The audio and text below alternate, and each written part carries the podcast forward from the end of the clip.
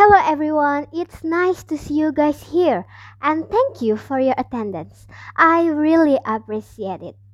Let me introduce myself first. I am Rahil, your master of ceremony for today. Also, I am super excited to meet you all. And about today's topic, we are definitely gonna have such an interesting conversation because we have an absolutely amazing speaker today and he really really talented and a great announcer. When i say he is talented i really mean it.